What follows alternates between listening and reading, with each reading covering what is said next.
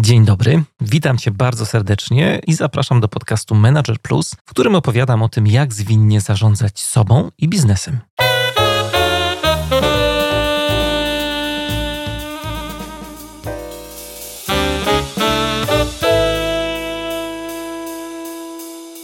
Zapraszam Cię do specjalnego wydania podcastu Manager Plus. Wydanie będzie specjalne, bo dzisiaj jest ze mną Ola Hrabko, z którą wspólnie mm, przygotowaliśmy dla Was mini cykl o motywacji. Dzień dobry wszystkim. Hej, hej. Nasza miniseria to dokładnie trzy odcinki, które będziemy Ci udostępniać w odstępach co dwa dni, a więc dzisiaj w poniedziałek jest pierwszy odcinek, w środę będzie drugi, a w piątek pojawi się ostatni odcinek z naszej serii. One będą trochę krótsze niż zwykle, e, bo przygotowaliśmy je w takiej formule snack and learn, tak żebyś na szybko mógł sobie na przykład konsumując jakiś posiłek e, przy okazji posłuchać właśnie podcastu o mm, motywacji. No to co? Ruszamy.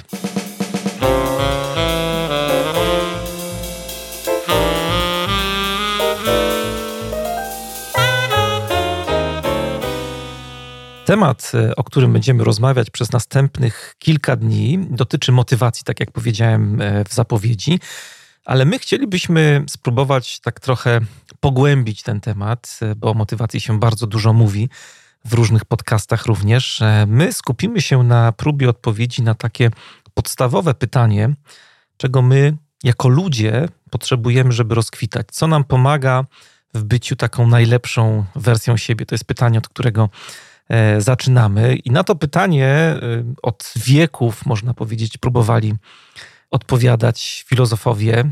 To jest także pytanie, którym zajmuje się psychologia i współcześni psychologowie e, mówią, że jakby to rozkwitanie jest czymś, co leży w naszej naturze. To takie dążenie do dojrzałości. To jest coś, co my mamy jakby w sobie tak z pudełka. Zostaliśmy tak zbudowani, tak zostaliśmy zaprogramowani to jest e, tak jak e, z rozwojem fizycznym. Mamy w sobie coś takiego, co możemy określić, że jest wewnętrzną, biologiczną siłą, która powoduje, że my rośniemy, już w zasadzie od dziecka się rozwijamy. I bardzo podobnie jest, tak mówi psychologia, z naszą dojrzałością właśnie psychologiczną. To jest taki normalny nasz e, proces, w który wyposażyła nas natura. I co jest istotne w tym wszystkim, to to, że zarówno ten wzrost fizyczny, ale też i ten wzrost psychologiczny, to są takie procesy, które nie zachodzą w nas automatycznie. One wymagają e, ciągłego takiego dokarmiania, takiego paliwa do tego, żeby e, wzrastać. No i pytanie, na które będziemy sobie e, próbowali odpowiedzieć, co jest tym paliwem. I w tym naszym minicyklu podstawą do naszej rozmowy będzie mm, to, czym zajmują się od wielu lat e, panowie DC i Ryan. To jest dwóch e, profesorów, Edward DC i Richard Ryan, którzy pracują na Uniwersytecie e, Rochester i mm, oni stworzyli taką teorię podstawowych potrzeb psychologicznych, które mm, właśnie powinny być zaspokajane w naszym życiu, żebyśmy mogli się rozwijać. Panowie stworzyli koncepcję, która mówi, że bez względu na wiek, bez względu na kulturę, na to, jaki rodzaj działania wykonujemy, w zasadzie wszystko w naszym życiu sprowadza się do trzech takich potrzeb podstawowych: do autonomii, to jest pierwsza potrzeba, do kompetencji i e, do relacji. I DC i Ryan mówią, że jeżeli my w naszym życiu będziemy mieli te trzy potrzeby zaspokojone, to też będziemy się czuli najbardziej zmotywowani. Będziemy też zadowoleni z siebie, będziemy zadowoleni z własnego życia i osiągniemy stan takiego naszego dobrostanu. Zresztą w ostatnich badaniach DC i Ryan pokazali też, że na właśnie nie tylko motywację to wpływa, ale też na nasz dobrostan, na well-being tak zwany.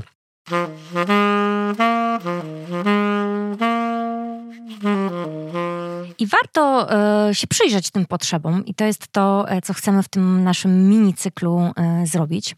E, czyli e, dziś przyjrzymy się potrzebie autonomii, w środę porozmawiamy o potrzebie relacji, a w piątek o potrzebie kompetencji.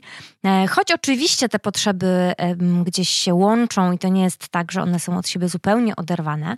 Natomiast spróbujemy je trochę rozebrać na czynniki pierwsze i poprzyglądać się im, zaczynając właśnie od potrzeby autonomii. E, czym jest ta potrzeba? To taka można powiedzieć, potrzeba świadomości w ogóle na takim głębokim bardzo poziomie, że mamy wybór, że mm, czujemy, że to, co robimy, to robimy z własnej woli, bo chcemy e, tak, a nie inaczej robić, a nie, że ktoś nam e, kazał. E, I my oczywiście możemy mieć albo nie mieć kompetencji do tego, żeby daną rzecz wykonać, ale musimy chcieć to zrobić. Tutaj bardzo fajnie łączą się te dwie potrzeby: potrzeba autonomii i potrzeba kompetencji bo właśnie my jesteśmy zaangażowani, ale z drugiej strony możemy mieć albo nie mieć kompetencje. I e, dla lidera bardzo ważne jest to, żeby umieć zauważać, czy u danej osoby, z którą e, pracuje, e, jest to kwestia związana z potrzebą autonomii, potrzebą tego, że człowiek jest zaangażowany w to, co robi, czy przypadkiem nie jest tak, że ta potrzeba autonomii przykrywa trochę niedostatki w kwestii kompetencji. Zobaczcie, że to jest trochę tak, że jeżeli nasz pracownik czy osoba, z którą pracujemy, bardzo chce coś zrobić, angażuje się, to możemy błędnie jako liderzy ocenić kompetencje tego człowieka i źle zacząć pracować z tą osobą, wrzucając ją na, ją na przykład na głęboką wodę, dając jej zadania, które e, niekoniecznie e, są dopasowane do kompetencji, których nie ma właśnie, a w związku z tym ta osoba zacznie popełniać e, błędy, zacznie się frustrować. Więc tutaj ta potrzeba autonomii, potrzeba zaangażowania czy wyboru e, robienia tego, jak chcemy, musi być bardzo dobrze przez lidera e, sprawdzona, czy faktycznie to jest to, e, o czym mówimy.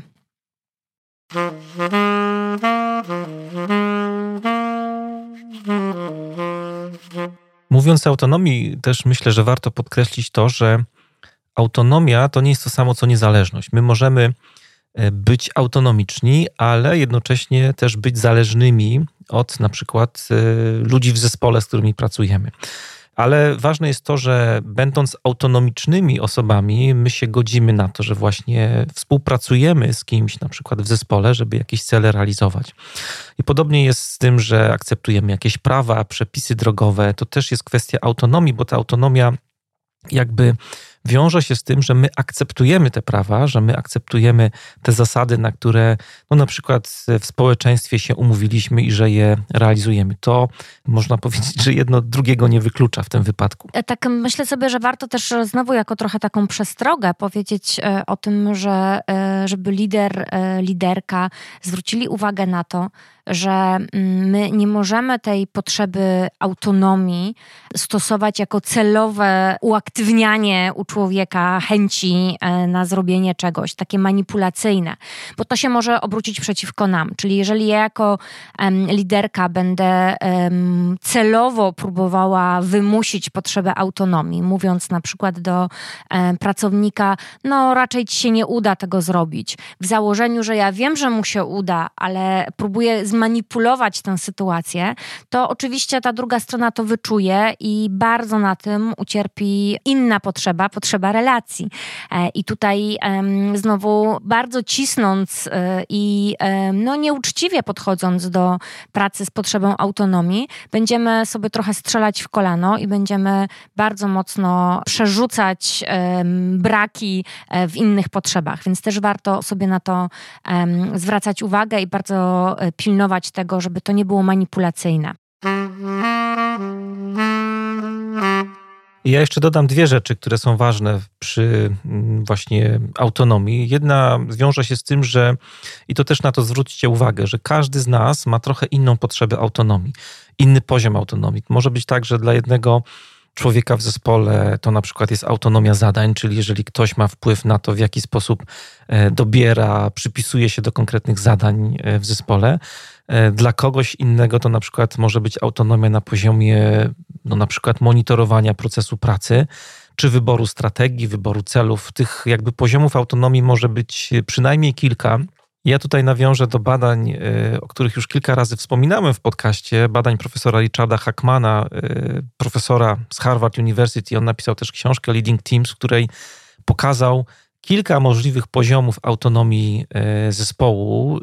Pokazał, że właśnie dla każdego zespołu, w zależności od tego, ile ma tej swobody, czym innym też jakby to rozumienie autonomii może być. Dla niektórych zespołów to jest na przykład autonomia na poziomie zadań, celów, dla innych właśnie autonomia na poziomie projektowania swojego zespołu.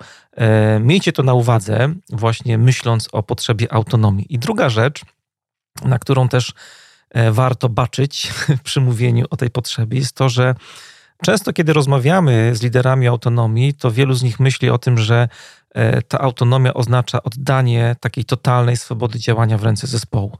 Pamiętajcie, że granice właśnie w autonomii też są tutaj bardzo konieczne. Nie chodzi tutaj o, o to, żeby w jakiś sposób nie ingerować zupełnie w to, co się dzieje y, w zespole. E, jest taki mm, fajny cytat, który gdzieś kiedyś przeczytałem, że rzeka bez brzegów to y, wielka kałuża. I rzeka, y, właśnie ten prąd rzeki, ma po to e, granice, po to brzegi, żeby ukierunkować energię tego całego prądu, żeby ukierunkować pracę rzeki.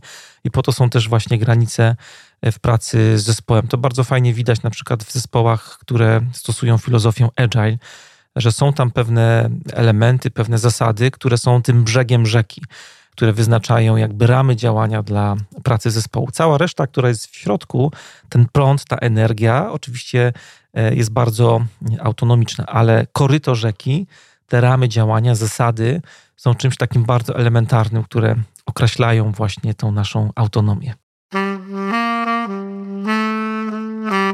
I myślę też, że warto podkreślić, tak trochę zbierając to, o czym powiedzieliśmy, powiedzieć e, o tym, co wspiera, a co hamuje e, tą autonomię, bo na pewno tym, co będzie hamowało bardzo mocno tą potrzebę autonomii, e, to jest bardzo mocna presja na wyniki. Takie puszowanie, mówiąc po staropolsku, Deadliny. Um, deadliny, takie um, wyznaczanie celów um, bardzo mocne i trzymanie się sztywne, nie dawanie ludziom żadnych e, możliwości e, wpływania na to, co robią i jak robią, czyli też narzucanie strategii rozwiązań. To wszystko są rzeczy, które bardzo mocno będą hamowały e, tę potrzebę autonomii. To jest bardzo zaskakujące, bo to też są jakby wyniki badań Ryana i DC'ego. Zresztą na jednej z konferencji, która jest dostępna na YouTubie, można sobie ją obejrzeć. Właśnie Ryan prezentuje te wyniki i wspomina o tej presji na wynik, o deadline'ach, o których Ola powiedziała właśnie przed chwilą że jest to coś, co jakby zabija potrzebę e, autonomii, a finalnie wpływa na y, naszą motywację. Nie wpływa właściwie na motywację. Ale też o, tak jak mówiłeś o tych granicach, to, to też taki ciągły nadzór, e, czyli e, trzymanie się zbyt sztywne tych granic, nie pozwalanie w ogóle na żadną swobodę, czyli jakby trochę takie mówienie tej rzece, jak ma płynąć, to też jest coś, co, co bardzo będzie hamowało te potrzeby. Kilka rzeczy, które wpływają na potrzeby autonomii, to to, że dajecie w zespole właśnie możliwość wyboru strategii pracy, że możecie e, też zaproponować e, zespołowi monitorowanie procesu pracy w ramach określonych interwałów czasowych, na przykład jeżeli zespół pracuje w iteracjach albo w sprintach, e, mówiąc tutaj już żargonem skramowym, to to jest coś, co bardzo wpływa na pracę takiego autonomicznego zespołu. Tak samo zaangażowanie w, w zadania, nad którymi zespół pracuje w danym projekcie a już super by było, gdyby ludzie mogli się przypisywać do zadań według własnych właśnie e, zainteresowań, czy tego, co im najbardziej leży, jeśli chodzi o taką pracę. I to są elementy, które bardzo mocno wspierają metody agile'owe, bo właśnie ta autonomia na poziomie zadań i monitorowania procesu jest tam e, wbudowana jakby w samą mechanikę pracy takiego zespołu. E, no i chcemy e, też e, Was zaprosić do podzielenia się swoimi komentarzami i swoimi przemyśleniami na temat tego, w jaki sposób Wy zaspokajacie potrzebę autonomii w swoich zespołach. I w związku z tym chcemy Was zaprosić do takiej jakby dyskusji, rozmowy z nami na ten temat. Tak, i tutaj wykorzystamy taką nową funkcjonalność, którą daje firma Spotify. Jeżeli korzystacie i słuchacie podcastu Manager Plus na To pod dzisiejszym odcinkiem pojawi się tam to pytanie, które Ola właśnie zadała. W jaki sposób zaspokajasz potrzebę autonomii w swoim zespole? I zachęcamy Was do dyskusji pod odcinkiem. Jest to bardzo proste. Jeżeli korzystacie z aplikacji na swoich urządzeniach mobilnych, to e, wystarczy wejść pod odcinek i e, udzielić takiej odpowiedzi, włączyć się w tę dyskusję. Jestem bardzo ciekawy, jesteśmy bardzo ciekawi Waszych e, odpowiedzi tego, co tam się wydarzy.